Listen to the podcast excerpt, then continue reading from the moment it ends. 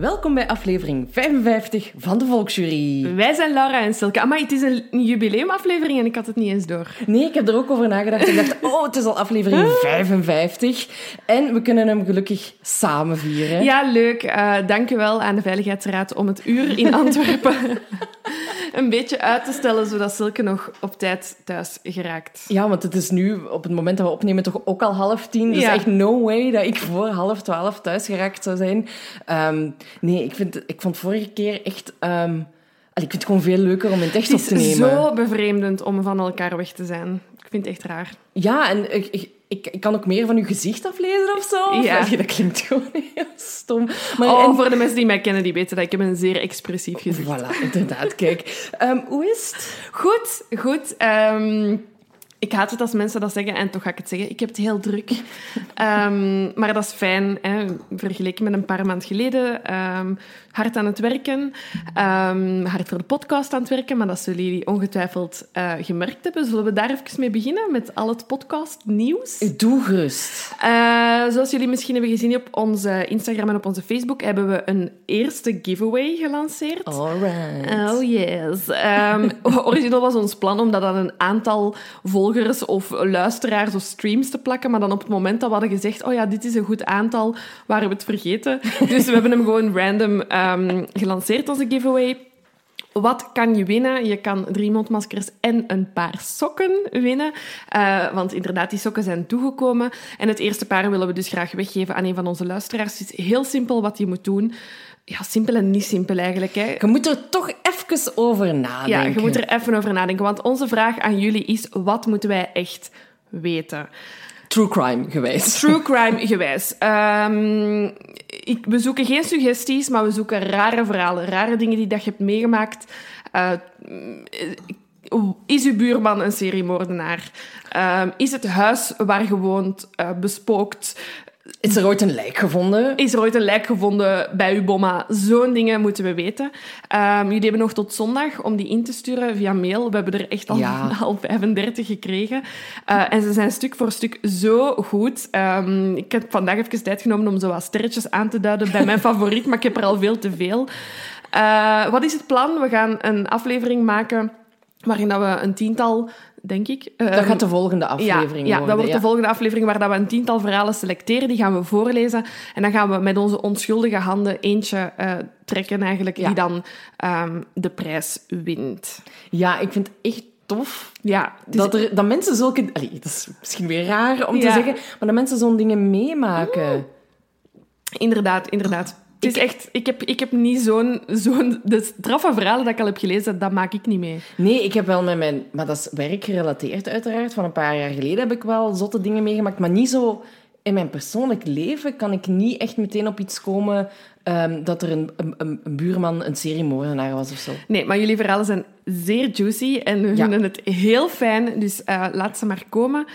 Um, jullie kunnen ze ook anoniem insturen. Hè, dan ja, uh, laten we namen weg, geen probleem. Maar zet het zeker in de mail dat we ja, het uh, ja, weten. Ja, inderdaad. Voilà. En dan hebben we ook natuurlijk al heel veel berichtjes gehad over de mondmaskers. Zalig om te zien dat iedereen uh, ja, ze heeft aangekregen en, en, en, en dat ze ook vol trots gedragen ja, worden. Ja, super fijn. Dat mensen elkaar al gespot hebben in de winkel. Hoe goed is dat? Dus er zijn twee luisteraars die elkaar hebben gespot in de winkel met uh, elk hun mondmasker van de volksjury. Ja, ik heb mijn ook al gedragen, maar niemand is al naar mij toegekomen. Ja, ik heb het mijne gedragen en ik ben herkend geweest. Um, Enfin, ik ben persoonlijk niet herkend geweest, maar iemand sprak mij aan.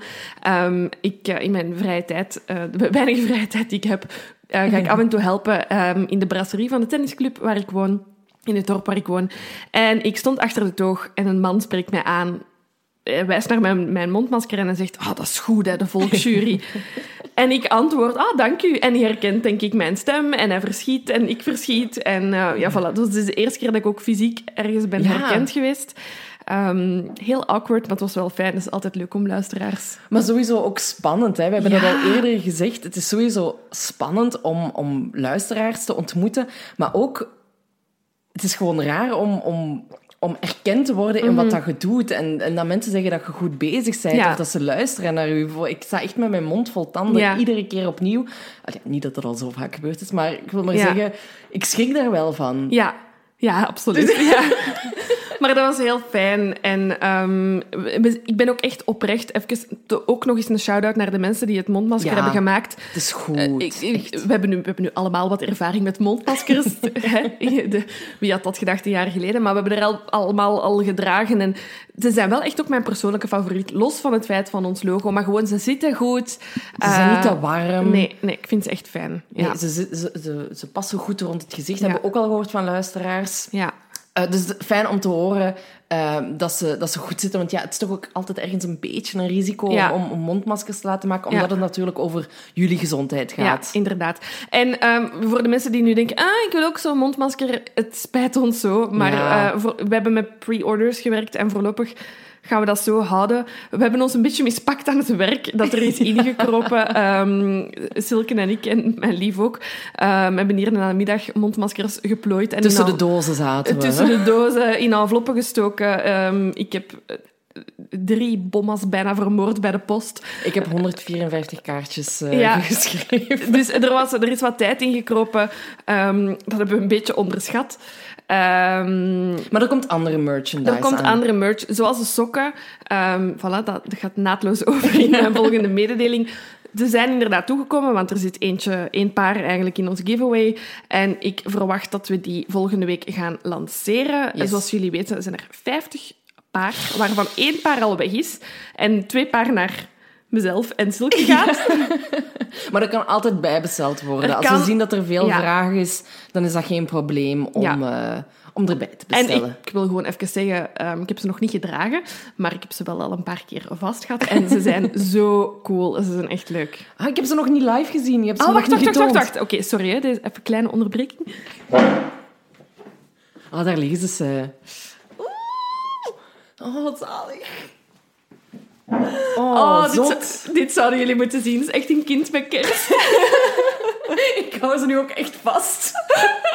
ik Zulke-. Zulke knuffelde Oh. sokken. Zalig. Ik kan alvast zeggen, koop de sokken, want ze zijn schitterend. Ja, voilà. Goed.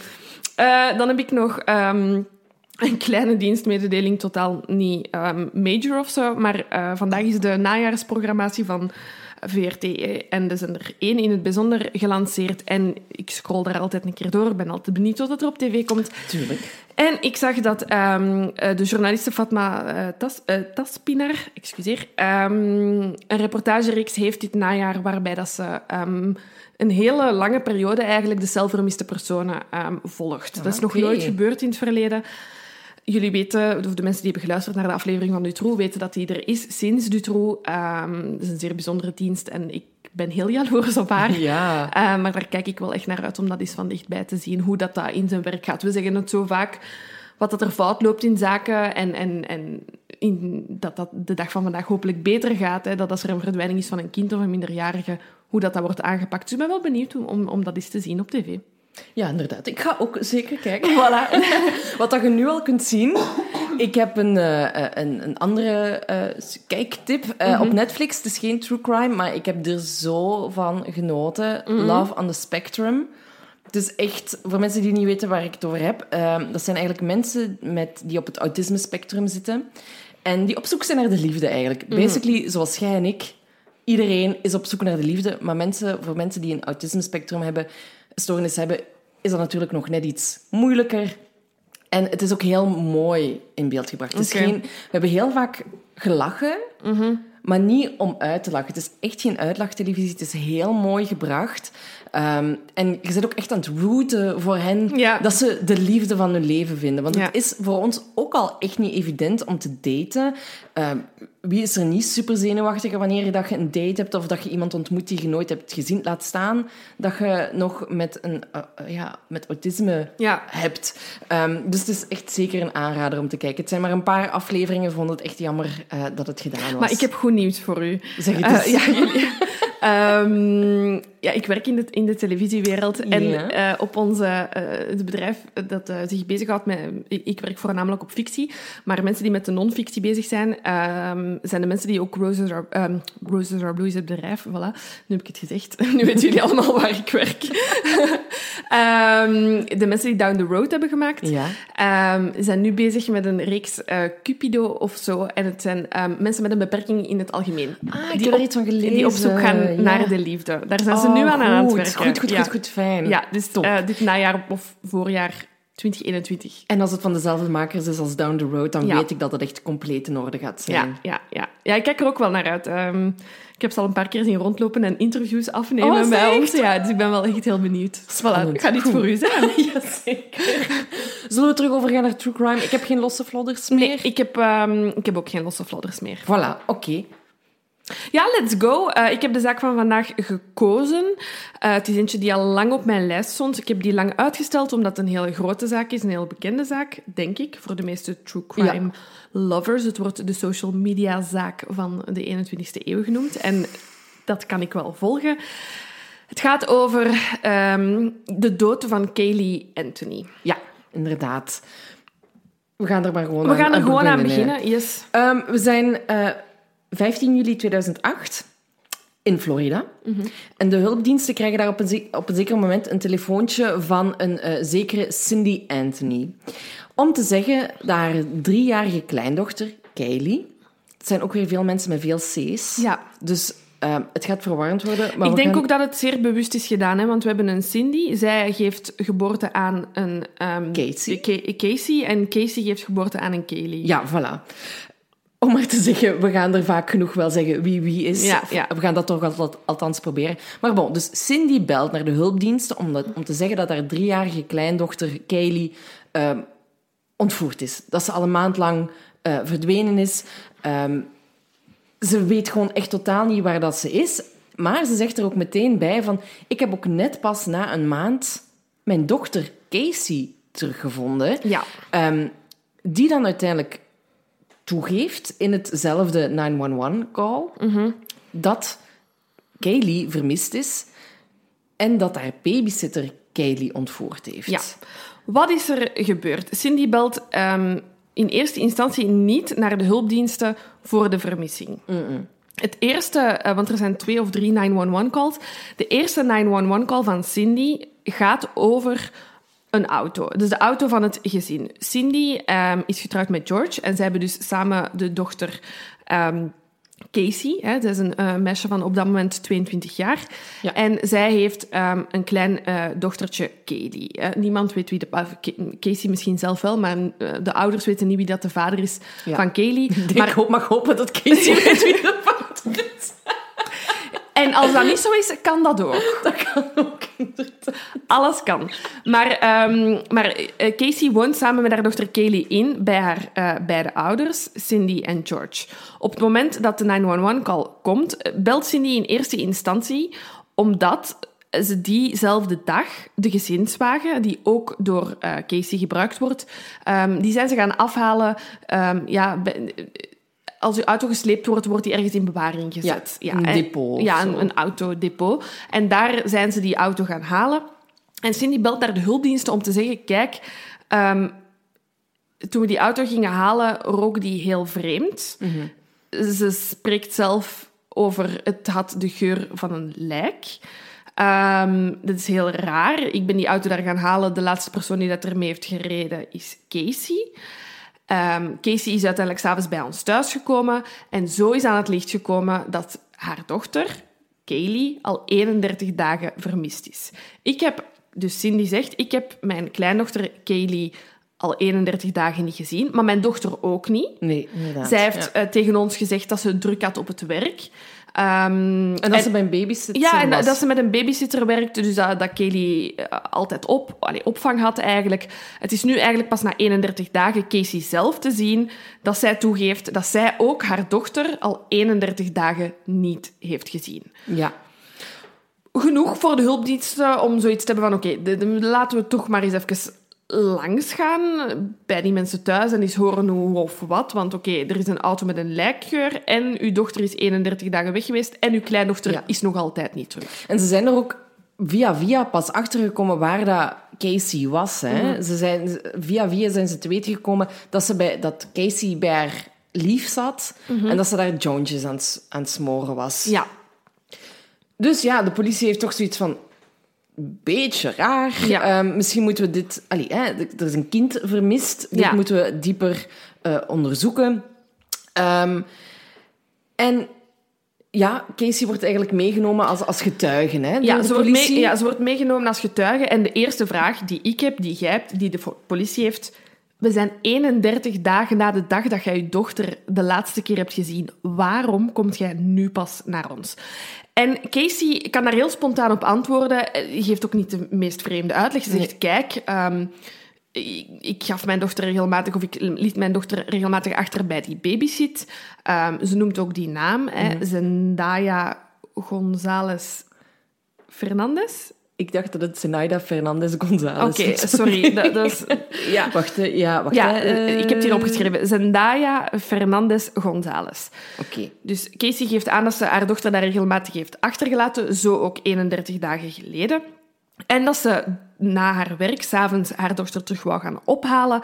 En dat de, het appartement van Zendaya, ehm Zenny noemt ze haar ook, Zenny de nanny, leeg was en haar dochter daar dus niet was, als ook de nanny daar niet was. Dat Casey zich heel schuldig voelde en ja, embarrassed en, en zich schaamde.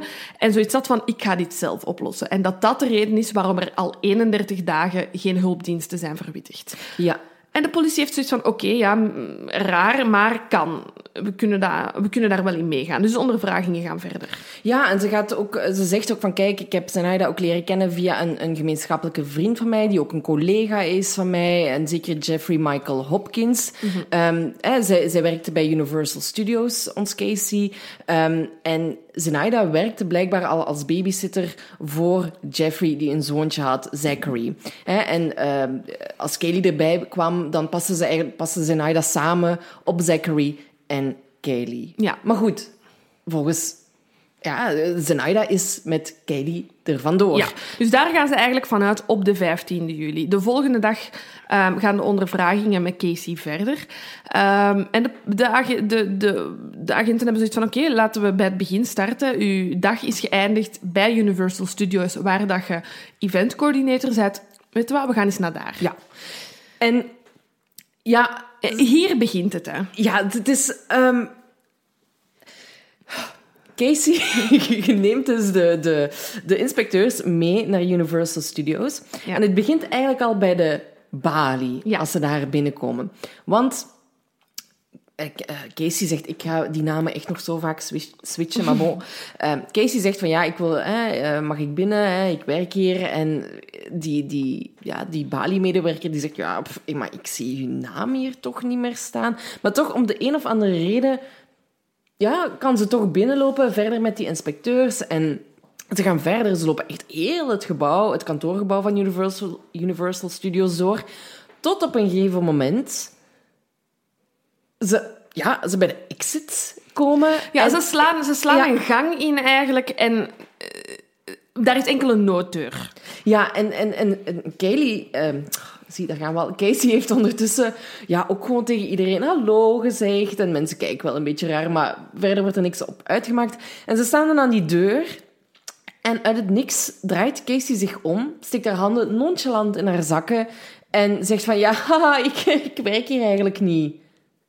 En er wordt echt gewoon een bommetje neergelegd. Er wordt hè? een bommetje neergelegd, enerzijds, voor mij toch, alleszins. Ja. Want ik hoor dit en ik denk, what the fuck, hoe kan dit nu? De inspecteurs echter staan al een beetje verder. Zij Ja. ehm, hadden al een vermoeden dat het verhaal van Casey niet volledig klopt. Nee, want ze zijn dus eigenlijk al op onderzoek gegaan. Ze zijn al naar dat appartement van Zenaida gegaan, uiteraard. Want hè, dat is hoofdverdachte nummer één. Wat blijkt? Dat appartement staat al maanden leeg en te huur. Dus daar schort al iets Ja. aan het probleem. Ja. Ehm, of aan het verhaal van, van eh, Casey. Ehm, Casey had ook gezegd dat ze een, eh, tegen Juliette Lewis, een collega van haar, had verteld, als enige eigenlijk, dat Kaylee vermist was. Mhm. Wat blijkt? Juliette Lewis bestaat niet. Nee. Dus daar is de politie, daar merken ze al van, mm, hier klopt er toch wel echt totaal iets niet. Maar Casey blijft echt ja, volhouden Ja. dat Zenaida er vandoor is met Kaylee. Ja, ik vind opmerkelijk aan het hele verhaal. Dus ze zitten daar bij Universal, wanneer dat dan Casey moet toegeven dat dat niet de plek is waar ze werkt. En ze beslissen gewoon om die ondervraging verder te zetten bij Universal. Dus Ja, die, gaan inderdaad. daar, die gaan naar een vergaderruimte binnen, die zetten Casey daar neer. En eigenlijk zeggen ze direct van, kijk, wij weten meer dan je denkt. Hè? We Ja. weten dat dat appartement leeg staat. We weten dat dat appartement waar jij zegt dat Zenaida woont, nog nooit verhuurd is geweest. Ever, ever aan een Zenaida. Die is niet geregistreerd, zelfs niet in dat gebouw. Dus We het- weten dat je hier niet werkt. De collega over wie dat jij spreekt, van wie dat je de babysit-tip hebt gekregen, hè, de persoon, eh, hoe heet hij? Zachariah, het kindje. Waar, ja, ja, ja. hè, dus eh, via wie dat je die babysit Zenaida hebt gekregen, die persoon, je hebt daar nooit mee samengewerkt. Die heeft hier wel even gewerkt, maar jullie hebben nooit echt contact gehad. Die man heeft geen kind. Nee. Die man heeft dus ook geen babysit. Niks van uw verhaal klopt. Maar ze blijft ontkennen, hè. Ja. Ehm, maar de politie gaat ervan uit van of Casey heeft Kaylee aan iemand meegegeven en voelt zich daar nu heel slecht over en, en, en, ligt daarom. Of er is zodanig iets met Kaylee gebeurd en ze heeft Kaylee ergens begraven. Dus ze gaan er dan eigenlijk al vanuit Ja. dat Kaylee wel eens dood zou kunnen zijn. Maar ze blijft echt volhouden. Hè? Dat, ze, dat ze Kaylee heeft afgezet bij Zenaida. Ook al zijn ze al met die feiten aangekomen Ja. dat dat appartement leeg ja, is. Ja, ze spreekt dan, want dus de volledige ondervragingen zijn ook weer al eh, te vinden op YouTube. Ze spreekt dan wel ehm, inderdaad niet meer over haar job en niet meer over Zenaida specifiek, maar ze blijft wel herhalen, ik heb mijn kind de laatste keer gezien dan. Ik heb het afgegeven aan iemand die ik vertrouwde, die mijn kind vertrouwde, en daar is het fout gelopen. Maar de politie, ja, die Deed denkt echt pure kwatsch dit. Hè? En ze wordt dan ook uiteindelijk aangehouden en overgebracht naar de gevangenis. In de hoop dat ze toch zou praten. Hè? Dat is een soort van drukmiddel dat ze wilde gebruiken. Van kijk, eh, we kunnen haar al aanklagen voor het afleggen van valse verklaringen. Dat weten we al gewoon. Ehm, toch ook verwaarlozing van een kind, want waar is het kind 31 dagen gebleven.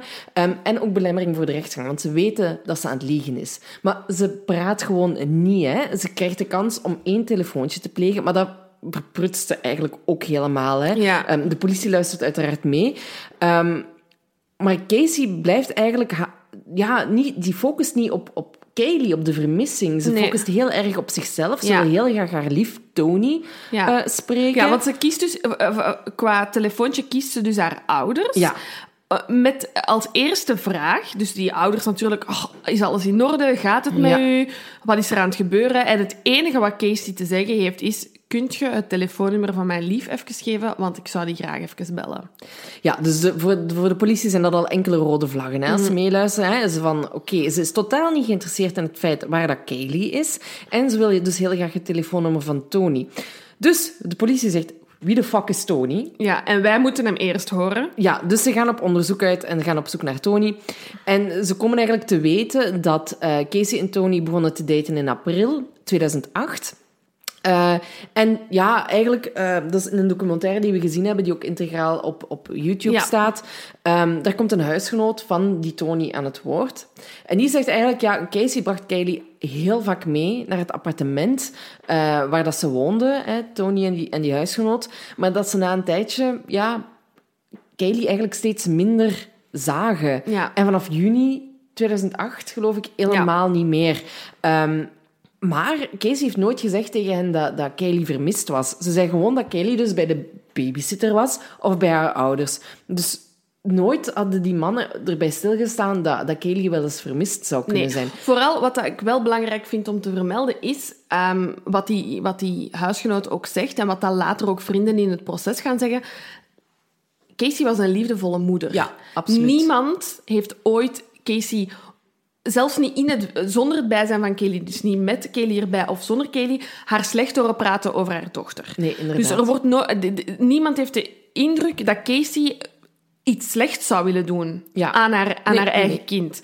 Ehm, dus dat is ook waarom dat er, de- zij is gearresteerd. En de politie heeft wel zoiets van, er klopt iets niet aan uw verhaal. Maar ondertussen wordt er ook door de grootouders ehm, en door sympathisanten allemaal zoekacties Ja. opgezet. Omdat heel veel mensen zoiets hebben van, oké, haar verhaal klopt misschien niet. Of eh, haar naasten denken van, oké, er klopt wel niet, iets niet aan het verhaal.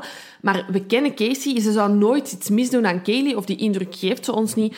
We zijn toch nog altijd op zoek naar dat kind dat door iemand is meegenomen. En dat is denk ik ook de piste dat die ouders op dit moment hebben, is... Oké, misschien is er... eh, een babysit geweest die illegaal in het land is. Misschien waren dat lusje affaires, maar Casey vertrouwde die babysit en die is misschien effectief meegegeven. Misschien had Kaylee daar, eh, Casey daar geen adres van. Misschien spraken ze altijd op een locatie af. Mensen blijven wel echt positief tegenover Casey haar verhaal in eerste instantie. In eerste instantie. Ja. Want dan bedenkt de politie, wacht, die auto is er ook nog. Ja. Had Cindy, de moeder, niet iets in de 911-call gezegd van een lijkengeur Ja, in de auto? Ja. Dus dan, hè, nadat ze toch erachter zijn gekomen dat dat verhaal van die babysitter niet helemaal niet klopt, klopt, nee.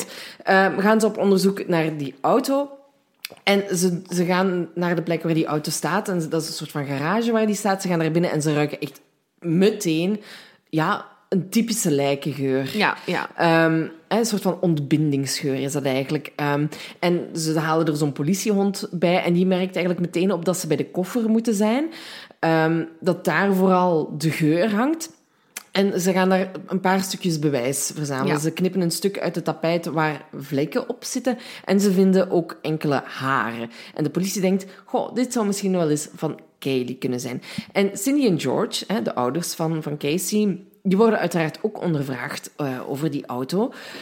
Maar Cindy stapt dan al terug eigenlijk op haar verhaal dat ze in de 911-call heeft gedaan. Want Ja. daarin had ze gezegd van ja, en het ruikt je naar een lijkengeur. En nu zegt ze, "Mm, ja, nee, het is eigenlijk eerder... Vond ik toen dat het de geur van afval was. Dat er een soort van oude pizza of weet ik veel wat had gelegen. 31 dagen lang dan. Ja.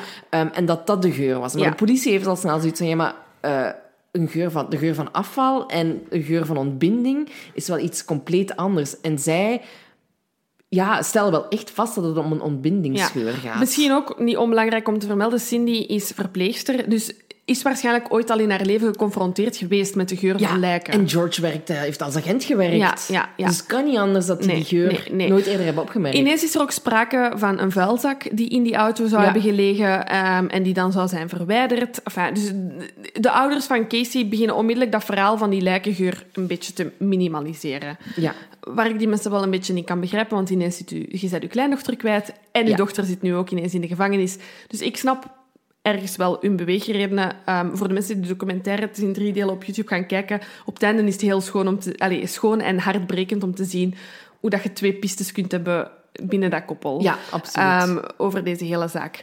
Ehm, maar alles, eh, het onderzoek loopt zijn gangetje. ehm, en we zijn ondertussen 11 augustus. En dan gebeurt er iets bijzonders. Ik had nog iets anders. Oh ja, eerst. tuurlijk. Sorry. Ze, ze vinden... Een, ze, ik voel me altijd een beetje schuldig als ik Nee, ik vind altijd goed. Ik wil gewoon altijd vooruitlopen op de zaak.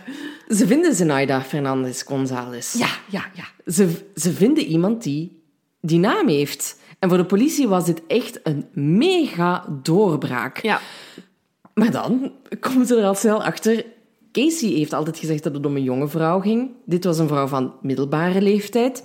En deze Zenaida gaf ook echt meteen aan van... Ja, jongens, ik ken totaal geen Casey of Kaylee. En ik heb ook nog nooit in mijn leven gebabysit. Dus laat staan dat ik op Kaylee gepast zou Nee, hebben. inderdaad. Dat, dus ze had er totaal niks mee te maken. En dit was voor de politie het moment dat ze, besef, dat ze beseften van... Oké, van dat ontvoeringsverhaal klopt geen zak.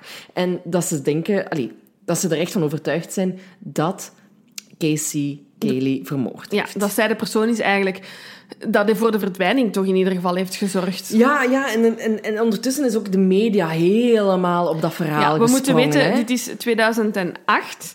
Ehm, ik, ik- voor mij is zo alles tussen 2006 en 2010 de grenzen van de media opgezocht voor dit soort dingen. Hè. True Ja. crime is echt ehm, met, met live uitzendingen vanuit de rechtbank. Dat is echt de periode waarin zo'n dingen gebeuren. En met deze zaak is dat natuurlijk ontploft. Want wie heeft er geen mening over zo'n zaak? Een Absoluut. jonge vrouw haar kind is verdwenen en zij zegt niet waar het is, terwijl zij waarschijnlijk de enige sleutel is tot de oplossing. Dus iedereen heeft hier een mening over. En, en wat ook belangrijk is om te weten, het, het, het speelt zich af in Florida. En Mm. in Florida is het zo dat vanwege de wetten die er zijn, alles publiekelijk gemaakt. Alle documenten mogen zo in de pers komen. Uh, verhoren van Casey, gesprekken die ze heeft met haar ouders in de gevangenis. Ehm, alles wordt gewoon ik heb, uitgezonden. Ik heb echt al, ik heb echt al geleerd... Um, bon, hier gaan we weer voor een bingo. Uh, maar mijn wereldreis is gestart in Florida. wow. Oké, okay, misschien had ik dit ook even moeten vermelden. Um, ja, dus ik woon dicht bij de luchthaven van Zaventem. zoals jullie misschien nu hebben kunnen horen. Ze zijn aan de landingsbaan aan het werken. Ja, Vandaar? Ja, ja, ja. Dus de, normaal vliegen hier amper vliegtuigen over, ja. maar het is nu omdat ze aan de landingsbaan aan het werken zijn. De eerste keer dat ik dat zo, zo, zo dicht... Fun fact! maar goed, waar waren we? Um, dus ja, iedereen heeft daar effectief een mening Ieder, over. Ja, ja, inderdaad. En uh, wat ook duidelijk wordt voor veel mensen, is hoe onverschillig Casey is in alle gesprekken oh, nee, die ik weet heeft. wat ik was. Ik was oh, over mijn wereldreis bezig. Ah, ja, dat is waar, sorry. nee, we zijn, ik ben gestart in Florida en ik heb wel echt al begrepen... Ik heb nog niet alle staten van Amerika bezocht, maar ik weet wel dat ik nooit in Florida wil eindigen. Want qua wetgeving is het echt de meest fucked up staat, volgens mij. Ja. Want alles mag in de media verschijnen. Um, ze hebben ook de uh, beruchte Stand Your Ground-wet. Oh. Waarbij dat als iemand op je eigendom komt, gewoon echt letterlijk een voet op je eigendom zet, je die mocht afschieten, want die persoon mag daar niet zijn.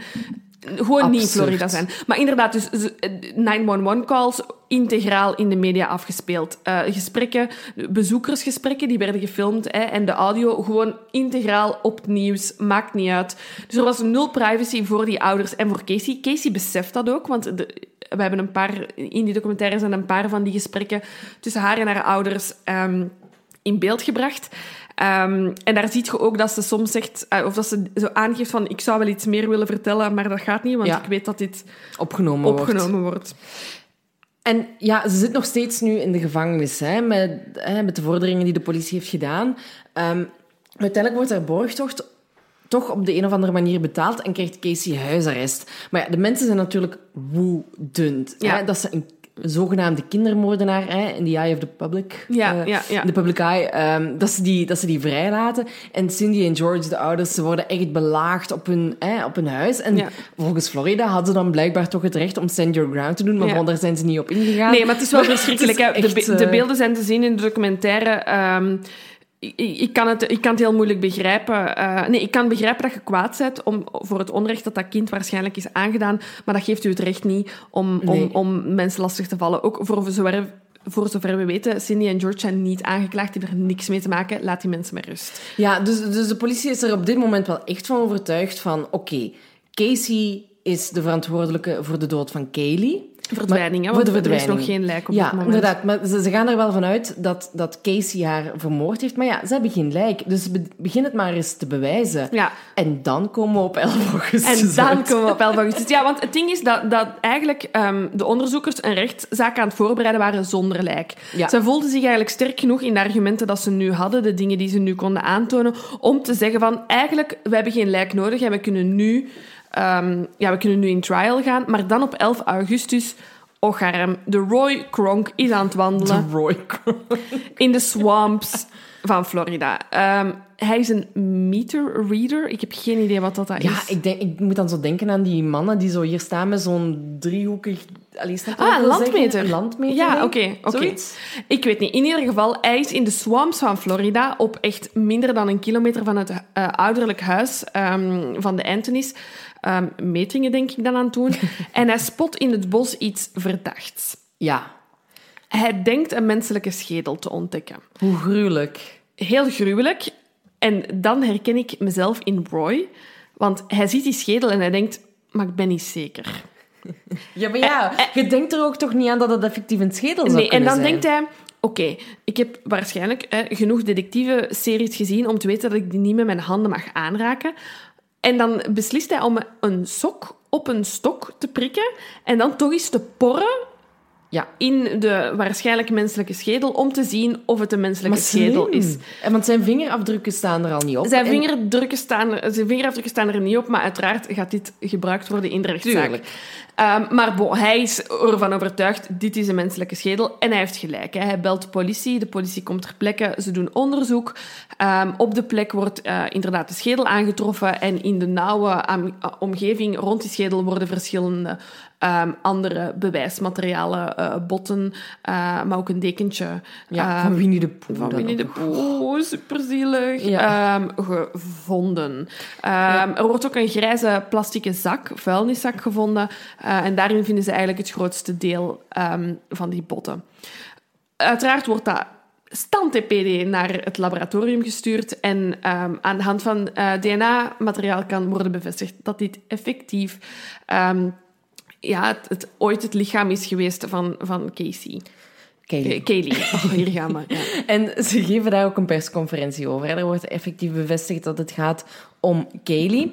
En ze zeggen van, oké, het gaat hier sowieso om moord, maar we hebben niet genoeg informatie om te weten hoe ze vermoord Ja. is geweest. Ze hebben eigenlijk ook niet genoeg informatie om te stellen dat het om moord gaat. Ze, de, de reden waarom Ja. ze stellen dat het een moord is, is omdat het lichaam waarschijnlijk in die plastieke zak heeft gezeten en op de schedel wordt een stuk duct tape gevonden waarvan ze denken dat het ooit over haar mond eh, geplakt was. Ja, ze gaan er gewoon in vanuit van niemand komt zomaar in deze situatie oh, in een plastieke zak terecht in een bos Ja. zonder dat er meer aan de hand is. Want dit is belangrijk om te vermelden, want dit is opnieuw geen rechtstreeks bewijs. Ze gaan ervan uit dat dit een moord is, maar dat weten ze niet. Maar dat wordt inderdaad wel direct zo gesteld. Bon, die onderzoekers die een rechtszaak aan het voorbereiden waren tegen Casey hebben zoiets van... Bingo, niet langer wachten. Wij gaan naar de rechtbank, want we zitten hier met een kindermoordenaar. Ja, maar het is moeilijk hè, om de Mm. rechtszaak te starten. Ehm, we zijn 5 mei 2011, dus ondertussen al drie jaar na de dood van Kaylee. De jury moet samengesteld worden. En dat is een gedoe. Maar oh my god, iedereen in Florida, in heel Amerika, heel de wereld wellicht, heeft een mening over Casey.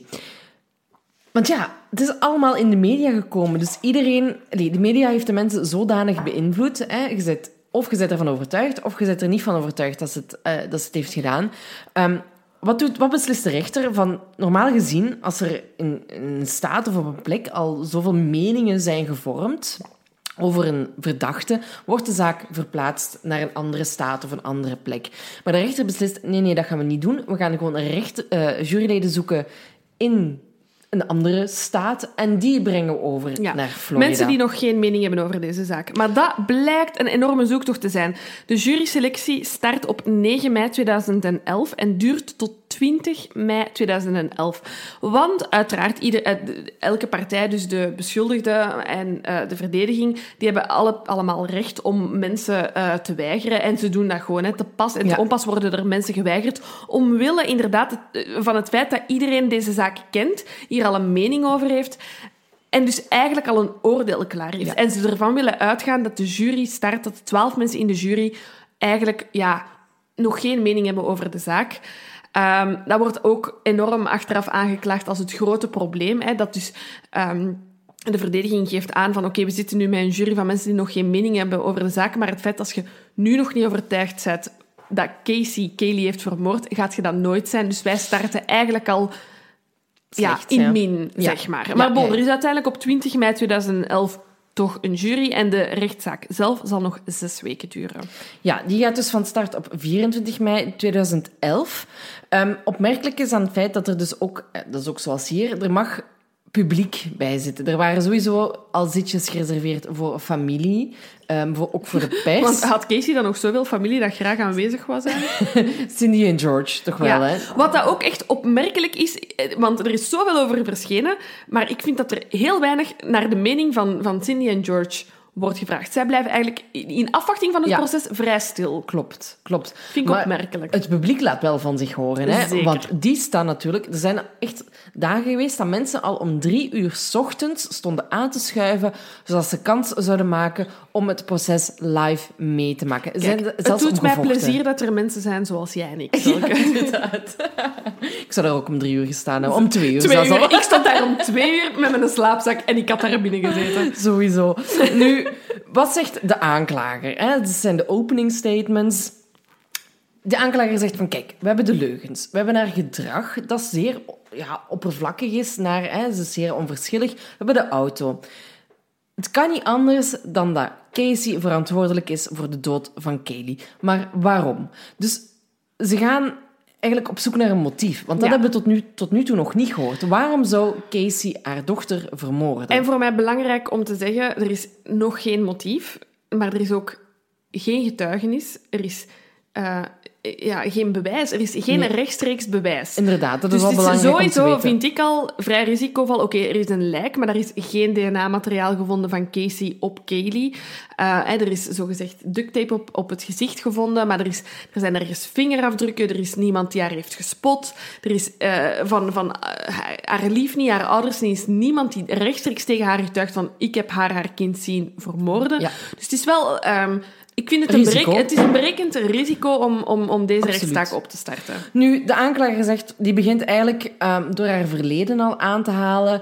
Ehm, en een, ook een interview, dat uit, ja, een verhoor eigenlijk, dat door de politie is, is uitgevoerd met een, met een jeugdvriendin. En die zegt dat Casey ooit tegen haar heeft gezegd dat ze eigenlijk haar kind, Kaylee, niet wou hebben. En dat ze Kaylee wou afstaan voor adoptie. Ja. Maar Cindy, haar moeder, die had gezegd van nee, nee, nee, hou het kind maar, we gaan het samen op, opvoeden. En Casey was ook heel erg afhankelijk van haar ouders. Ze woonde daar nog, ze leefden onder dat dak, ze kregen, hè, alles werd voor haar geregeld. Dus Casey was eigenlijk toch er uiteindelijk van overtuigd van oké, laten we dan dat kind maar houden. Dus het motief, volgens de aanklager, is... Kijk, Casey wou eigenlijk gewoon haar oude leven terug. Tony was ook een DJ, dus ze wou graag met hem gaan feesten. Wat wil je daarmee zeggen? Lucas is DJ. Sorry voor de mensen die dat nog niet Van de- weten. dat was een, een zeer inside... eh. Anyway, dus als Laura ooit een kind krijgt... Oh, nee, nee, daar gaan we niet... ehm, Dat, die tour gaan Kom, we niet opgaan. Let's snel go, verder. let's go, let's go. Dus volgens de aanklager zegt, eh, zeggen zij van ja, Casey wil gewoon geen moeder meer zijn. En ze zeggen ook, Casey was ook de enige die dit had kunnen doen. Maar de verdediging, die moet... Ja, het klinkt eigenlijk heel erg aannemelijk wat de aanklagers zeggen. Tuurlijk, echt, ik, ik, ik, ik denk dat dit zo wat halverwege de tweede aflevering is van de documentaire. En ik heb zoiets van, no way dat mensen twijfelen. Ja. Ik twijfel ook niet. Nee. Oprecht, er is geen bewijs. Dat is waar. En dat is de fout voor mij dat gebeurd is in deze zaak. Is, ze hadden dit niet voor een rechtszaak mogen brengen met, zo, Zonder- we- met Ja. zo weinig bewijs. Absoluut. Want ik ben er ook van overtuigd dat Casey de oorzaak is. Ik zeg niet dat ze haar vermoord heeft. Daar twijfel ik misschien nog een beetje aan. Maar ze is de oorzaak van de dood van. Ja. Ongetwijfeld, daar twijfel ik niet aan. Casey is de oorzaak van de dood op haar dochter, maar daar is geen bewijs voor. En de verdediging, en je kunt het rechtssysteem in België al haten, maar in Amerika zijn die haaien nog tien keer groter. En Casey heeft gewoon echt een hele goede advocaat. En die verdediging die zit echt prat in om gewoon aan te tonen, niet om aan te tonen dat Casey onschuldig is, maar om aan te tonen Dat er gaten zitten. dat er gaten zitten in het onderzoek. En dat doen ze supergoed. Ja, want ze moeten dus eigenlijk in eerste instantie kunnen verklaren waarom Casey al die 31 dagen niks gezegd heeft en dan ook nog eens gelogen heeft. Ja. Want waarom zou een moeder dat doen? En ze heeft een advocaat, José Baez, Ja. en die heeft eigenlijk heel weinig ervaring met dit soort zaken, maar die vliegt er echt pijlsnel in. Die zegt eigenlijk, die begint, heeft zijn eigen theorie. Ja, en zijn opening statement is het raarste wat ik ooit heb gezien. Hij begint eigenlijk door te zeggen dat Kaylee eigenlijk nooit vermist is geweest. Hij komt met een heel eigen theorie op de proppen. De ochtend van 16 juni 2008 is Cindy gaan werken en George en Casey zijn nog thuis. Maar ze zijn in paniek, want Kaylee is nergens te vinden. George vindt haar uiteindelijk in het zwembad waarin ze verdronken was. En ja, totaal onverwacht voor de mensen, voor het publiek dat Bias met dit soort theorie zou aankomen. Want George, de vader, is dus beginnen roepen tegen Casey om te zeggen van kijk, uw leven is compleet voorbij als we nu de hulpdiensten bellen, als we hier iets van tegen uw moeder zouden zeggen. Ik zal dit wel oplossen voor u. Dus, volgens Bias, heeft George het lichaampje van Kaylee gedumpt in het bos.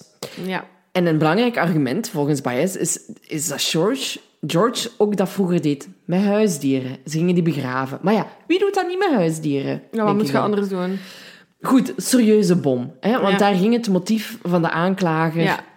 Ehm, maar bon, er, er is dan nog geen antwoord op gegeven van, maar waarom loog Kay- Casey, Casey, Ja. over, over waar dat Kaylee was? En daar heeft Bias echt ook een supergoeie uitleg voor. Mm. Hij geeft toe dat Casey een leugenaar is, maar dat dat is omdat ze nooit anders geweten Ze heeft. heeft niet anders gedaan. Casey heeft heel haar leven lang moeten liegen. En dan dropt Bias eigenlijk de tweede en misschien wel de grootste bom eigenlijk van, ehm, van deze rechtszaak. En hij, in zijn opening statement, eh, dus dat is ook de richting waarin dat je eigenlijk zou moeten uitgaan voor de rest van het proces, zegt hij... Casey heeft heel haar leven moeten liegen. Ze is als kind misbruikt geweest door haar eigen vader, George. Ook haar broer heeft ehm, Avances gemaakt. avances gemaakt op zijn eigen zus. En Casey is zo opgevoed om te liegen over dit soort zaken, om ochtends misbruikt te worden en 's middags op de speelplaats te lachen. En Ja. dat is waarom dat het voor haar zo makkelijk is om nu te liegen, om niks te zeggen over ehm, eh, enerzijds dat misbruik en anderzijds de, ja, de dood van haar dochter. En ze neemt haar eigen vader in bescherming, omdat ze dat in het verleden met dat misbruik ook heeft gedaan. Ja. En de openingsstatements en iedereen, Bam. en iedereen is in paniek. Die media die, die worden gek. Eh, er worden uiteraard geen interviews achteraf afgenomen, zowel niet van Casey als van die ouders. Dus iedereen blijft in het ongewiste. Ehm, en die hebben zoiets van, oké, zeer benieuwd naar hoe dat bias dit verder gaat uitwerken eigenlijk. Hè. Het is dan eerst aan de verdediging. Ehm, eh, dus ja, de staat Florida eigenlijk, hè, dat, het, Ja. dat de dood van, van, van, ehm, van Kaylee aanklaagt. Ehm, en zij halen eigenlijk in hun verder onderzoek... Zij focu- focussen zich eigenlijk op wat dat zij zien als bewijsmateriaal. Dus enerzijds gaat het weer al over die leugens, hè, over Casey die nooit een lange periode heeft gewerkt bij Universal. Die tegen haar vriend zei... Kaylee is hier niet, want Kaylee zit bij mijn ouders. En bij haar ouders zei... Kaylee is hier niet, want ze zit bij de nanny. Dat heeft ze jarenlang gedaan, maar zeker ook in die laatste maand toen, Ke- toen, ehm, toen Kaylee verdwenen was. Eh, dat was focus 1. En dan focussen ze zich eh, in tweede instantie ja, op die remains die zijn gevonden. Hè. Ja. Ehm, en en een, een, een groot deel van de zaak gaat over die duct tape. Er is op ehm, de botten en de schedel een stuk duct tape gevonden. Daar wordt onmiddellijk van gezegd, die duct tape die is geplakt op de mond van Kaylee. Ja. Want, en dat is wat de, dus de verdediging zegt van inderdaad, ehm, eh, we spreken hier helemaal niet over een zwembad waarin dat, dat kind ehm, verdronken is. Eh, Casey heeft nooit een babysit gehad. Hoe hield hij haar kind aan rustig? Wat deed hij met haar kind? En hun uitleg is, wat dat hij al 2,5 jaar met haar kind deed, was medicatie toedienen, slaapmedicatie, eh, zodat dat kind 12 uur lang aan een stuk eh, sliep en moe was eh, en geen last was voor haar moeder. Dat is ook wat dat er die bewuste dag is gebeurd. Maar Casey heeft die dag daar, heeft, heeft haar eigen kind eigenlijk ja, mm, te veel medicatie gegeven om in slaap te brengen, duct tape over haar neus en mond gedaan, in de hoop dat haar kind zachtjes in haar slaap zou stikken. En dat is voor de verdediging eigenlijk wat dat het doel is van die duct tape. En daar focussen ze zich super hard op. Hè. Ze hebben foto's van die duct tape. Ze hebben dan een soort van morph-foto Ja. in die rechtbank gedaan. Dus een, een foto van, van, van, van Kaylee als kind. En dan morpht dat in dat lijk. In de schedel, hè? Ja, in die schedel met dan die duct tape op. Het zag er echt verschrikkelijk uit. Ehm, er is weer een procesdag voorbij en die media heeft zoiets van... Yo, die jury die gaat dat nooit meer kunnen ontzien Nee. dat die duct tape op dat lichaampje heeft gezeten. Dus iedereen heeft zoiets van, oké, dus we hebben die een duct tape. Hè. Die volgende dag dat die verdediging aan het woord mag worden gelaten, gaat het over die een auto. Ja, want daar heeft de, de aanklager ook nog wel Ja, ja maar dus de hè? aanklager heeft echt zoiets van, we zijn hier binnen. Hè. Gisteren die een duct tape en vandaag gaan we over die auto beginnen en we gaan niet stoppen. Ja, want we hebben dus die lijkengeur. Hè? Ja. Ze hebben een stuk tapijt genomen en ze hebben haar gevonden in die trunk, in de koffer. Ja, ja, en ze laten echt van die DNA-specialisten komen, Ja. de grootste van het land. Absoluut. Dus ze hebben stukjes tapijt opgestuurd naar van die eh, experts. Ehm, en die zegt, ja, er zijn ontbindingsgassen gevonden in dat stuk tapijt. Hè. Dus er is een hele techniek ontworpen om dat te kunnen onderzoeken. Ehm, en daaruit kan de, kon de aanklager ook bewijzen dat het ging om het lichaam van Kaylee. Nu, ze vonden ook hè, haar en ze hebben dat ook laten analyseren. En uit de DNA-analyse die ze hebben uitgevoerd, bleek dat het afkomstig moest zijn van Casey of Kaylee. Maar, belangrijk detail dat ze ook vinden, ehm, het haar was vrij lang en Kaylee's haar was langer dan dat van Casey. Plus, ze hebben ook gezien dat aan de wortel het een beetje bruinig is. En dat is zeer typisch voor haar van mensen die overleden zijn. Of, al Ja. aan het, hè, of van Ja. lichamen die aan het ontbinden zijn. Dus ja, ze komen tot de conclusie... Het kan niet anders dat Kaylee in die koffer moet gelegen hebben. Dood. Dood. Ja. Ja, absoluut. Maar de verdediging Ja. die probeert echt zoveel mogelijk gaten te boren in die theorie. En dat doen ze goed. Hè? Dat Dus doen ze heel dat doen goed. ze heel goed. En ze halen eerst nog eens die duct tape aan. Zeggen ze, oké, je hebt een stuk duct tape gevonden. En je hebt een, een plastieke zak gevonden. En je hebt inderdaad dat lichaam gevonden. Maar het feit dat die duct tape ergens rond die botten lag of half daarop kleeft, wil niet zeggen dat die duct tape exact op de plek van haar mond heeft gezeten. Misschien is die duct tape gebruikt om die zak toe te binden. Misschien zat die duct tape helemaal niet op dat lijk. Er is geen DNA gevonden, niet van Casey, niet van Kaylee, op geen van de twee kanten van die duct tape. Die duct tape kunnen we dus eigenlijk vergeten. En dan gaan we naar die auto, die lijkgeur. Er is een, een, een, een, eh, een, een sterke geur van chloroform eh, dat wordt gevonden. Eh, chloroform is een veelgebruikt Product. product als het gaat over mensen te verdoven en te vermoorden of toch buiten bewustzijn te brengen. Ehm, zij halen, dus die, de, de verdediging eigenlijk van Casey, halen allemaal experts aan die zeggen van geen probleem. Chloroform dat komt vrij bij de minste vuilzak die dat je drie maand in de auto steekt.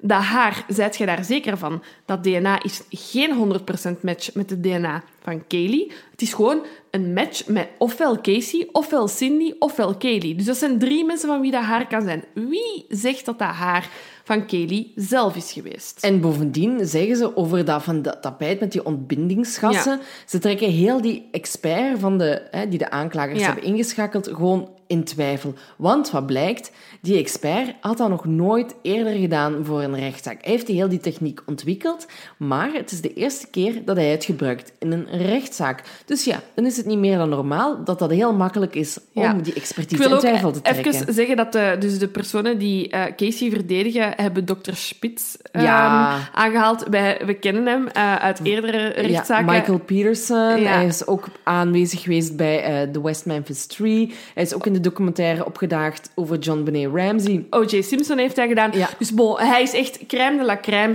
En die mens begint daar gewoon heel die Oh. theorie af te breken van... Ja, wat je zegt kan, maar het kan ook zijn van niet. En Ja. we mogen niet vergeten, die twaalf mensen in de jury zijn gewone burgers gelijk jij en ik. En die horen het een en die horen het ander. En die hebben gewoon zoiets van... Er is voor mij in die verdediging te hard gefocust op dat DNA-materiaal. En die jury heeft zoiets van... Ik weet niet meer wat ik moet geloven. Ah, nee. Beide kunnen mogelijk zijn. Enfin, Dus al dat DNA-materiaal en al het zogezegde bewijs wordt eigenlijk tegengewerkt. Dan is er nog iets dat de verdediging aanhaalt, dat echt ook een beetje heel ongelukkig gebeurt. Ze hebben de computer, de huiscomputer Ja. van Casey, Cindy en George onderzocht. En wat blijkt? Die mens komt getuigen op de getuigenstand en die zegt... Ja, er is 93 keer gezocht naar het woord chloroform in de periode voor de dood. Die jury... Ja, tu- tuurlijk, is het. 93 keer. Wie zoekt er 93 keer naar chloroform? Enkel iemand dat iemand wilt vermoorden. Ja, dat is bewijs. Een dagje later komt er een expert, een tegenexpert dan eigenlijk, van de verdediging van Casey. En die zeggen... ehm, sorry, waar heb jij je diploma gehaald? Bij Naldi? Want als wij dit controleren, blijkt dat dat maar één keer is gezocht, maar dat dat woord 93 keer is voorgekomen op de pagina dat gelezen is door die Oh persoon. my God. En die pagina gaat ook niet over hoe vermoord ik mijn kind met chloroform, maar die pagina gaat over het gebruik van chloroform in de 19e eeuw. Die mensen moeten dan terugkomen en toegeven van ja, dat is waar ik je dat misschien toch niet zo goed onderzocht. Dus al het materiaal dat wordt aangeleverd om aan te tonen dat Casey Kelly heeft vermoord, wordt eigenlijk onder, ja, onder de mat geveegd door de verdediging van Casey. Dat doen ze meesterlijk. Kan Maar wat ik wel zeggen. raar vind van de verdediging van hè, de advocaat José Baez, is dat hij het openingsstatement dat seksueel misbruik aanhaalt en daar gewoon nooit, nooit, nooit meer op terugkomt. Nee. Ehm, uiteindelijk mag hij het ook niet meer aanhalen van de rechter, omdat er gewoon geen bewijs voor is geweest. George is op een gegeven moment moeten komen getuigen. Ehm, en hij ontkent dat. Bon, wij weten daar het fijne niet van. Wij kunnen daar geen uitspraken over doen. Ehm, maar hij ontkent ook het feit dat hij aanwezig was op het moment dat Kaylee stierf. Want de theorie van de verdediging is natuurlijk dat George Kaylee, nadat ze verdronken is in het zwembad, haar heeft weggegooid, om het Ja. wat oneerbiedig Ja. te zeggen. Ja. Ehm, nu, de verdediging geeft ook aan van kijk, die relatie tussen Casey en haar vader zat goed. Ja. We hebben videomateriaal van het moment dat ze met elkaar bellen in de gevangenis. En daar lijkt er niks aan de hand. Eh, Casey zegt dat ze van haar vader houdt, dat ze een fantastische vader voor haar geweest is, voor Kaylee. Maar bon, dat kan nog steeds... Ze weet natuurlijk dat het opgenomen wordt. Ja. Ehm, maar George blijft voet bij stuk houden dat hij nooit een vinger heeft uitgestoken naar Casey. Nu, ehm, hij gaat daar verder niet op in, maar wat hij wel doet, hè, eh, Baez, ehm, het, blijkbaar heeft George in de maand nadat het lichaampje van Kaylee is gevonden, Ja. zelfmoord proberen te plegen. Ja. En dat is een beetje verdacht, vindt Ja. de advocaat. Ehm, het klopt, geeft George toe. Ik ben inderdaad naar een hotel gegaan, zegt hij. Ehm, ik kon gewoon niet meer functioneren nadat Kaylee gevonden is geweest. Ehm, ik heb 70 pillen genomen, ik heb zoveel mogelijk bier gedronken.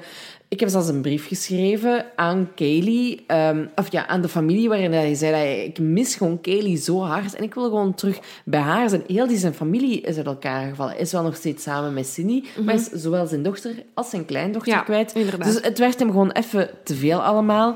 Ehm, en hij wou bij Kaylee zijn omdat hij vond dat hij haar tekort geschoten had. Omdat hij vond dat hij haar niet had kunnen beschermen. Ehm, dus de aanklager, de, de verdediging maakt het zo van hij voelt zich schuldig, omdat hij er iets mee te maken heeft. Maar de aanklager zegt dan weer van ja, nee, hij voelt zich schuldig omdat hij tekortgeschoten is geweest. Ja. Dus daar komt ook weer niet echt iets uit, maar het is allemaal raar. Omdat het bewijs, zoals jij al eerder zei, wijst wel in de richting van Casey, Ja. maar er is geen definitief bewijs. Nee, En inderdaad. dat weet de verdediging maar al te goed. Ja, dat weten ze heel goed. Ehm, ja, eh, Cindy is ook nog ehm, op de getuigen... eh, ik, ik had hier even de totalen opgeschreven. Het is echt maf, hoor. Eh, er zijn in totaal 59 getuigen opgeroepen.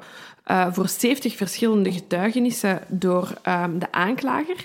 De verdediging heeft uiteindelijk 47 getuigen opgeroepen voor 63 verschillende getuigenissen. Dus we zitten met keiveel Oh God. mensen Ja. grote persoon die niet getuigt in de rechtbank Ja. is Casey zelf. Casey zelf heeft geen getuigenis afgelegd. En we hebben het... ehm eh, Silke en ik praten ook los van de podcast met elkaar. we hebben het er daar straks even over gehad. Ik heb zoveel vragen die niet beantwoord zijn. Absoluut. En voornamelijk voor Casey. Oké, ze heeft gelogen over het feit dat er geen babysit is. Wat heeft hij met haar kind al die tijd gedaan? Tweeënhalf jaar heeft hij tegen verschillende mensen gezegd: Mijn dochter is hier niet, die is bij een babysit. Waar was die dochter dan? Eén. Twee. Casey heeft ook gelogen over haar job. Wat deed hij dan als die niet naar Universal was, waar dat haar job was? Wat heeft hij al die tijd gedaan? Ja. Zoveel vragen. En Casey is niet verplicht of heeft gekozen om niet te getuigen. Geen idee hoe dat, dat zit. Maar zij is dus als enige, de hoofdverdachte is als enige niet op de getuigenisbank gaan staan. Maar de verdediging heeft nog wel een paar elementen Ja, die ja, toch in de richting van, van Casey Ja. wijzen. Want dat zijn heel terechte vragen, Ja. hè? maar daar hebben ze inderdaad geen antwoord op gegeven. Nee. Maar wat dat ze wel nog aanhalen, hè, Tony, haar lief, was een DJ, ging veel naar feestjes en Casey wou dat ook doen. Dat is voor hen een reden, allee, een motief. Ja. Ehm, wat dat ook blijkt uit foto's die ja, in de periode nadat Kaylee vermist is Ja. eh, geraakt, wat toen nog niet geweten was. Ja, dit, dit, is, dit is voor mij echt een van de moeilijkste stukken van de zaak. Want dus tussen het moment dat haar dochter verdwijnt en dan uiteindelijk aan het licht komt dat haar dochter verdwenen is, heeft Casey wel echt een heel bijzondere levensstijl Ja, ze, nagehouden. is er, ze, heeft- ze heeft het er echt van genomen. Gewoon. Ze Ja. is echt iedere avond gaan feesten. Ze heeft op een gegeven moment zelfs een tatoeage gezet. En je zou denken, oké, ja, zet maar een tatoeage. Iedereen doet wat hij wil. Maar de tatoeage is op haar schouder en er staat op Bella Vita. En ik denk dat iedereen wel een beetje Italiaans spreekt om te beseffen dat dit betekent mooi leven. Het schoon leven. Het schoon leven, inderdaad. Wie zet, welke moeder zet zoiets op haar rug, op haar lichaam, als ze weet dat haar dochter vermist is. Ja.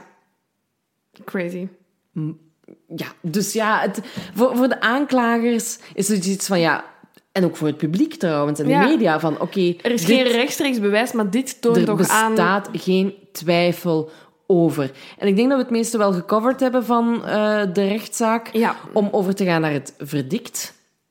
En dat vindt... Allee, het, het verdict valt op 5 juli 2011. Het wordt live uitgezonden. Het wordt vergeleken, Oh, het wordt shit, vergeleken ja. met de O.J. Simpson-zaak. Niet alleen voor de media coverage, maar vooral voor wat dat er gebeurt tijdens het verdict. Ja, dus ze hebben eigenlijk al na 11 uur de jury beslist, wat, wat niet heel lang is, maar ook niet heel kort. Allee, het is relatief snel voor Maar deze zaak. again, ik heb het ooit gelezen en het past hier ook weer. Alles onder de vier uur is schuldig. Alles boven de vier uur Is onschuldig. Want de monden vallen open op het moment dat de jury voorleest dat zij vinden dat Casey niet schuldig is op de eerste drie aanklachten, namelijk moord, ehm, ja, manslaughter van haar eigen dochter en kindermisbruik. Dat de rechter, zijn mond viel open. Hè. Die was zelfs verbaasd. Ehm, dus ze wordt op geen enkele manier verantwoordelijk gehouden voor de dood van Kaylee. Maar ze was wel schuldig bevonden aan het verschaffen van valse informatie, informatie aan de politie. Ehm, en daardoor, via een bepaalde rekensom... ehm, ze werd er eigenlijk voor veroordeeld nog tot een jaar gevangenisstraf Ja. of zoiets. Maar omdat ze dus al in voorarrest had gezeten, moest ze uiteindelijk nog maar tien dagen vastzitten. Dus tien dagen later wordt ze alsnog uit de gevangenis eh, vrijgelaten. En het land staat op zijn kop. Het echt waar. Ehm, er zijn beelden van zowat elke persoon individueel in die rechtza- eh, rechtbank op het moment dat dat verdict wordt voorgelezen. Ehm, de meeste in verbazing, maar voor mij het interessantst was om, om, om Casey zelf te zien, die zo voorbereid was. Je zag dat hij was zo krampachtig gespannen aan het luisteren. Had de hand van haar advocaat vast.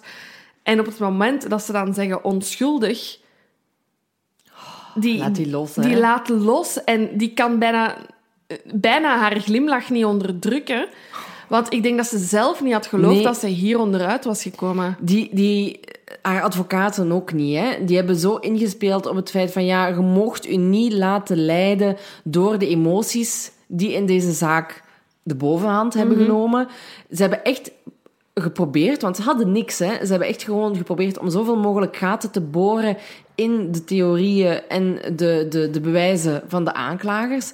Ze hadden het echt niet verwacht dat ze daarin zouden slagen. Nee, nee. Maar bon, hè, we gaan terug naar, naar onze basisbeginselen, Silke. Ja, ja, ja, ja. en, ja. en ik kan niet anders dan de jury begrijpen, want er is geen bewijs. Er is geen direct bewijs. We weten niet hoe Kaylee gestorven is. Ehm, we weten niet wat dat er gebeurd is, exact. En de rechter zegt hier ook over van...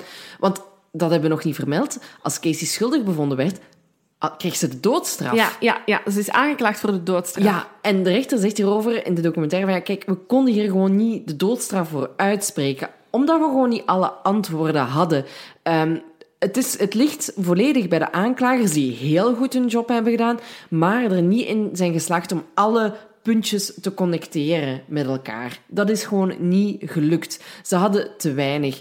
Nu... ehm, ja, het- het- ik, ik, ik kan, ik, ja, zoals wij het ook al zeggen, ik, ik, ik snap dat ze haar hebben vrijgesproken. ja. Maar ik ben ervan overtuigd dat ze haar vermoord heeft.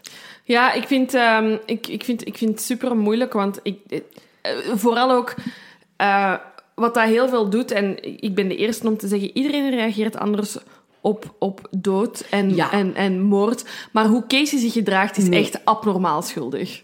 Wie, als uw dochter vermist is en je zegt, je zegt een babysitter dat die... Allee, wat al, het- het uiteraard niet klopt. Wie liegt daarover? Waarom zou Dat je één dag twijfelt om de politie in te schakelen, snap ik, maar geen 31 dagen. En het is dan nog alleen maar te weten gekomen omdat die auto terecht was gekomen. En dat ze daardoor Casey gevonden hebben en erachter zijn gekomen dat, ze, dat Kaylee niet bij haar was. Ja, Wie weet hoe lang het anders nog had geduurd. ja. Dus, en ook die onverschilligheid. Het gaat alleen maar om haar. En zij zit Ocharme in de gevangenis. Ocharme, haar leven is voorbij omdat ze in de gevangenis zit. Ik, nee, ik ben er echt rotsvast van overtuigd dat ze schuldig is. Maar ze heeft wel haar verdediging heeft gewoon subliem werk geleverd. Goed en werk- dat is de rechtspraak. Dat, hè. dat, is- dat is de rechtspraak en dat is super zielig om, om, om, om te zien. Maar anderzijds ook goed, want dat is hoe dat rechtssysteem in elkaar zit. Er is niet genoeg bewijs. Er zijn twaalf mensen die niet overtuigd zijn van de verdediging eh, Van de van, de, aanklager. van de aanklager. Eh, So be it. En dat is kut, want dat gaat hier over een mensleven van, van, van echt een jong kind dat zoveel had kunnen Ja. betekenen of had kunnen zijn in deze wereld. Ehm, maar ja, ik begrijp, ik snap ook als jury vooral ook inderdaad de heftigheid van een doodstraf uitspreken op iemand als er Nee, geen niet. bewijs is. Dat is heel moeilijk. Ik zou het ook niet hebben kunnen doen Ik zou het als ik in de jury zat gezeten. Nee. Nee. Je zou het wel kunnen denken van, oké, ik denk dat ze schuldig... Allee, maar je bent er niet 100% zeker van. En zoals we al zo vaak hebben gezegd, ja, dan kan alleen maar de vrijspraak je volgen. zijt onschuldig tot je schuld bewezen is. Klopt, Laura, Ja. klopt.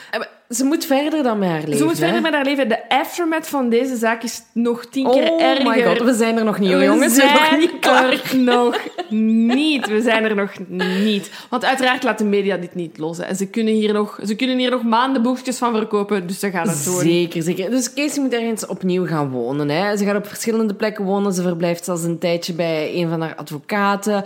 Ehm, ze heeft nog een paar rechtszaken aan haar been. Want één, eh Zenaida Fernandez González, de, baby, de zogenaamde babysitter, Ja. eh, die zegt, ja, what the fuck, gast. Eh, mijn leven is ook wel bedoezeld geraakt, om het zo maar te Ja. zeggen. Of eh, ik ben ook wel in de shit geraakt, omdat jij mij beschuldigd hebt van ontvoering en kindermoord. Ja. Dus ehm, ze heeft daar, een- die, die spant een rechtszaak aan. En dan is er ook nog de organisatie die heel veel zoekacties op poten heeft gezet. Ja. En daar heel veel geld in heeft gestoken om Kaylee te vinden. Maar bon, Casey denkt van ja, fuck, ik kan dit echt allemaal niet betalen. Dus die verklaart zichzelf failliet. Dus er wordt hier en daar nog wel iets gesetteld. Snap ik ook wel. Die vrouw heeft twee jaar een job verzonnen. Sorry, maar ik blijf echt... Ik wil echt... Iemand moet mij zeggen wat Casey twee jaar lang heeft gedaan om, om een inkomen te krijgen. I want to know. Maar door die rechtszaken en die settlements komen er bepaalde, want we zijn in Florida, bepaalde documenten naar boven, Ja. aan het licht. Zo wordt in mei 2016 onthuld dat de privédetectieve die werkte voor de verdediging, die onthult eigenlijk hoe Casey en haar advocaat op een zeer specifieke manier met elkaar omgingen. Ja, want Casey blijkt al langer dan de dag van haar derde, vierde rechtszaak bankroet te zijn. Ja, dus hoe kon zij in godsnaam haar verdediging betalen? Oké, d- hè, dat is dat had hij nog nooit gedaan. Hè. Het was voor hem ook de eerste keer om zo'n grote zaak te doen. Maar het kost toch wel wat geld. Ja, dus hij gaat dat niet pro deo doen. Blijkbaar. Bl- Blijkbaar wel pro natura. Want wat verschijnt er? Er verschijnen verschillende documenten waarin aan wordt getoond dat Casey haar advocaat in natura uitbetaalt. Ja, want eh, die privédetectieve die zegt van ja, ik merkte gewoon hoe fel ja, bias haar advocaat de controle over haar had. Er was op een gegeven moment ehm, had hij een interview met, met haar geregeld voor een bepaald eh, mediakanaal. En Casey wou dat niet doen.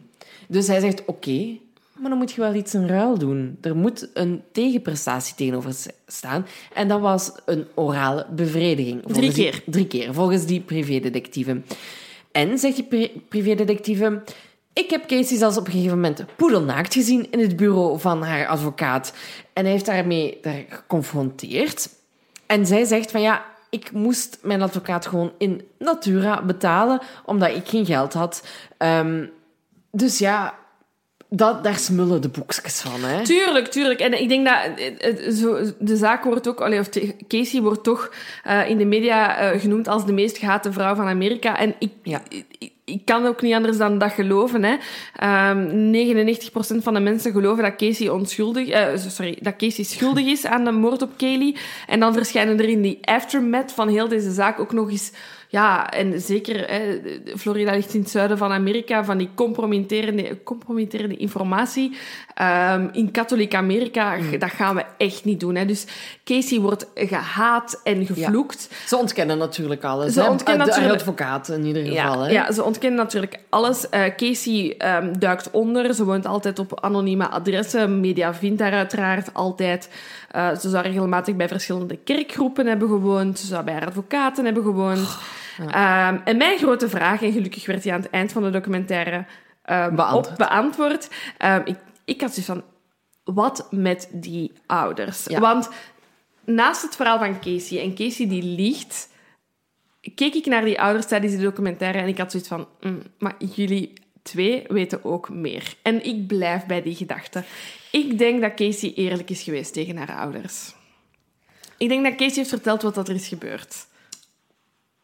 Dat denk ik, dat kan, maar dan... Er zijn...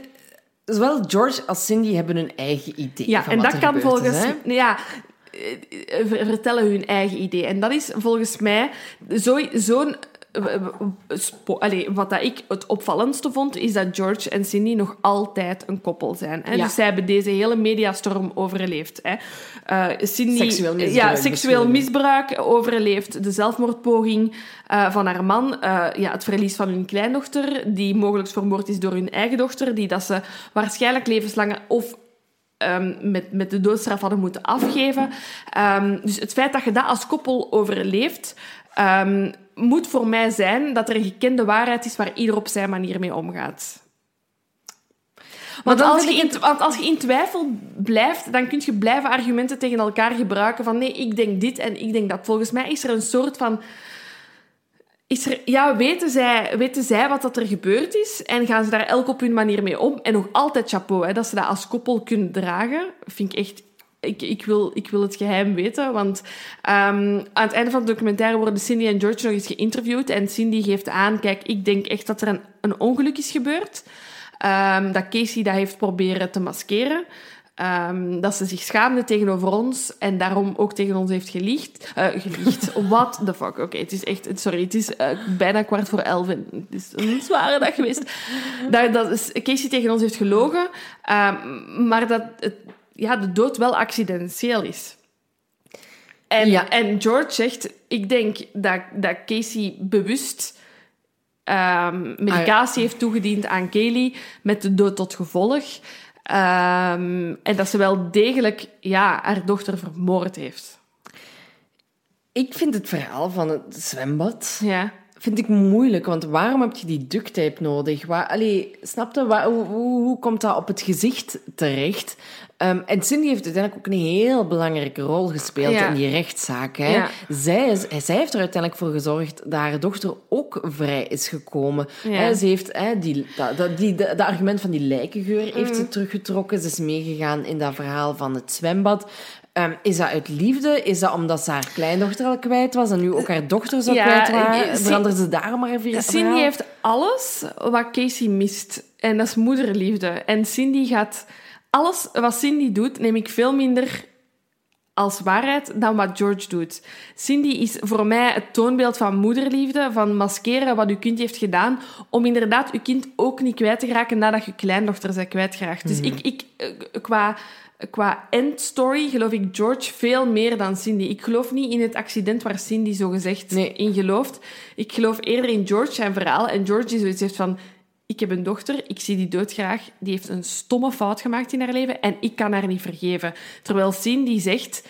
Ik weet dat die fout is gebeurd, maar ik ga dat tegen niemand zeggen en ik wil de relatie met mijn dochter behouden. Want Ja. dat is ook opmerkelijk. Hè? Cindy heeft nog contact met Casey en George niet. Ehm, maar voor mij is Cindy het prototype van, van, van moederliefde. Is, Ja, is, ja, ja. is een moeder die haar kind beschermt ja, tot het einde eigenlijk. En voor mij, de grote revelatie van de documentaire is de huisgenoot van het lief van Casey. Ja. Want van, vanaf minuut één, toen dat de bijnaam van de nanny viel, ja. dacht ik, Zanny is ehm, slang voor Xanax, hè, de, de slaapmedicatie. ehm, ehm, Veelvuldig genomen door celebrities en heel Amerika, denk ik.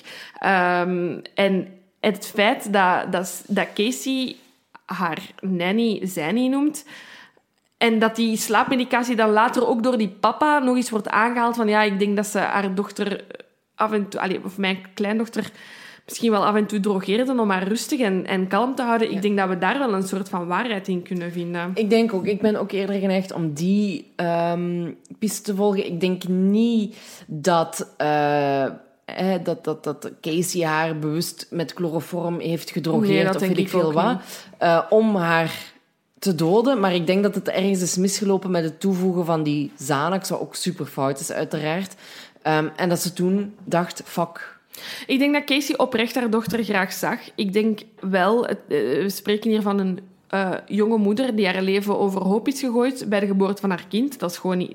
Sowieso, je leven wordt overhoop gegooid als je een kind maakt. Maar je zit hier met een jonge, alleenstaande moeder die 22 is op het moment van de feiten, eh, die een vriendje leert kennen die anders in het leven staat, want zij heeft een kind. Ehm, en ik denk dat zij gewoon die twee levensstijlen... Ik denk echt oprecht dat zij haar dochter doodgraag zag en twee levensstijlen wou combineren.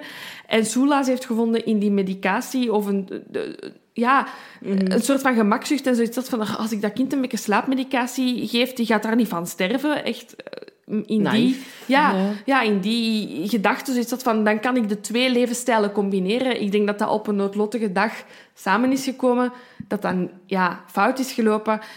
En, en ja, ik denk wel oprecht, eh, het feit dat Casey zo goed kan liegen en zo goed dingen kan achterhouden, zegt wel natuurlijk iets over haar persoonlijkheid. Absoluut, ja, ja. Ehm, maar dat denk ik, ik denk niet dat ze haar dochter vermoord heeft.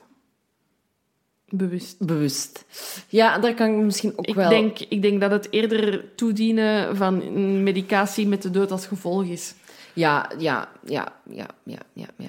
Maar heeft, ze, maar heeft ze dit 31 dagen crazy ass verzwogen en een tattoo Bella Vita op haar schouder gezet? No Denk- shame, ja. zeker wel. Ze heeft, ze is, wat ik nog heb gevonden, want ik, ik google dan natuurlijk ook nog Casey Anthony anno 2020. Today, ja, ja, ja. En dan altijd zijn er meestal foto's waar dat zeer veel plastische chirurgie bij involved is. Want stel je maar voor, je, wordt, je bent de most hated mother in Amerika en je wordt vrijgesproken. Nu, blijkbaar had ze in ehm, 2018 een serieuze relatie met een zekere Anthony Karigianis, alleenstaande vader. Die eh, ja, in, in, de- eh, in eind jaren Ja. de 30 was en werkte in een bar. Ehm, en ja, he couldn't care less over de geschiedenis van Casey. En ziet hij haar gewoon voor de persoon wie ze is. Ja, bla bla bla. Ehm, nu, het is niet echt exact geweten of dat ze nog steeds samen zijn. Maar Casey heeft blijkbaar wel in de media verteld dat ze wel... eh allee, dat ze eerder had gezegd van ja, ik wil nooit nog kinderen. eh, maar dat ze nu met Anthony eh, misschien nog wel eens een kind zou willen maken. Ehm, George heeft daarover gezegd dat hij daar niet mee akkoord gaat en dat hij zich wel een beetje zorgen maakte. Maar ehm, George heeft ook ondertussen een hartaanval eh, Oh. gehad of iets dergelijks. Dus heeft Casey, hebben ze toch terug contact opgenomen. hè? Oké. Casey had nog contact met haar moeder, Cindy.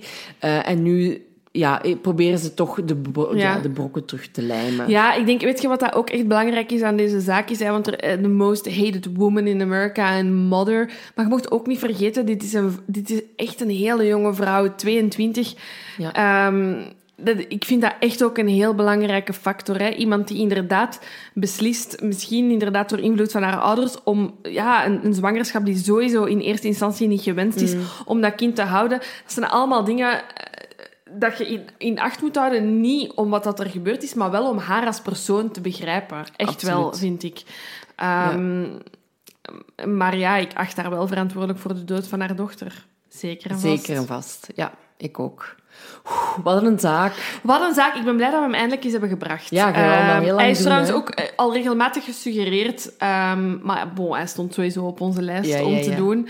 Ehm, heel interessante zaak. En ik ben heel benieuwd of dat er nog mensen zijn met andere ideeën. Eh, Omdat wij nu zo'n beetje dezelfde mening hebben. Dat het misschien wel een accident was, maar toch wel... Allee, zeker Echt niet. echt wel Casey. Ehm, ja, nee, ik denk niet dat ze haar kind bewust heeft vermoord. Zeker ook omdat zoveel mensen hebben getuigd dat er nooit haat of ruzie Ja. tegenover haar dochter was. Je, je, je staat niet op met de gedachte om iemand te vermoorden of je bent echt een psychopaat. Kan nog altijd, hè? Kan nog altijd. Ja, ja, kan nog altijd, hè, dat, we, dat we er gewoon niet achter zijn gekomen. Maar ik kan u zeker volgen daarin. Mm. Maar voor mij is het er is gewoon, gewoon niet genoeg bewezen om, om, om te, te, te zeggen van ja, het is echt gewoon onbewust of bewust Nee, nee. geweest. Maar ik ga er wel mee akkoord dat ze haar oude leven miste.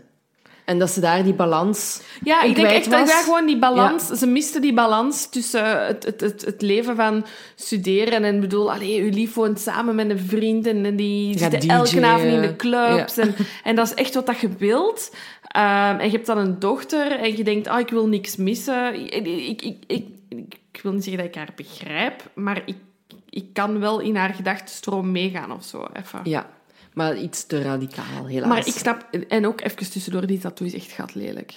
Ja, inderdaad. Dat is echt spuug, spuug lelijk.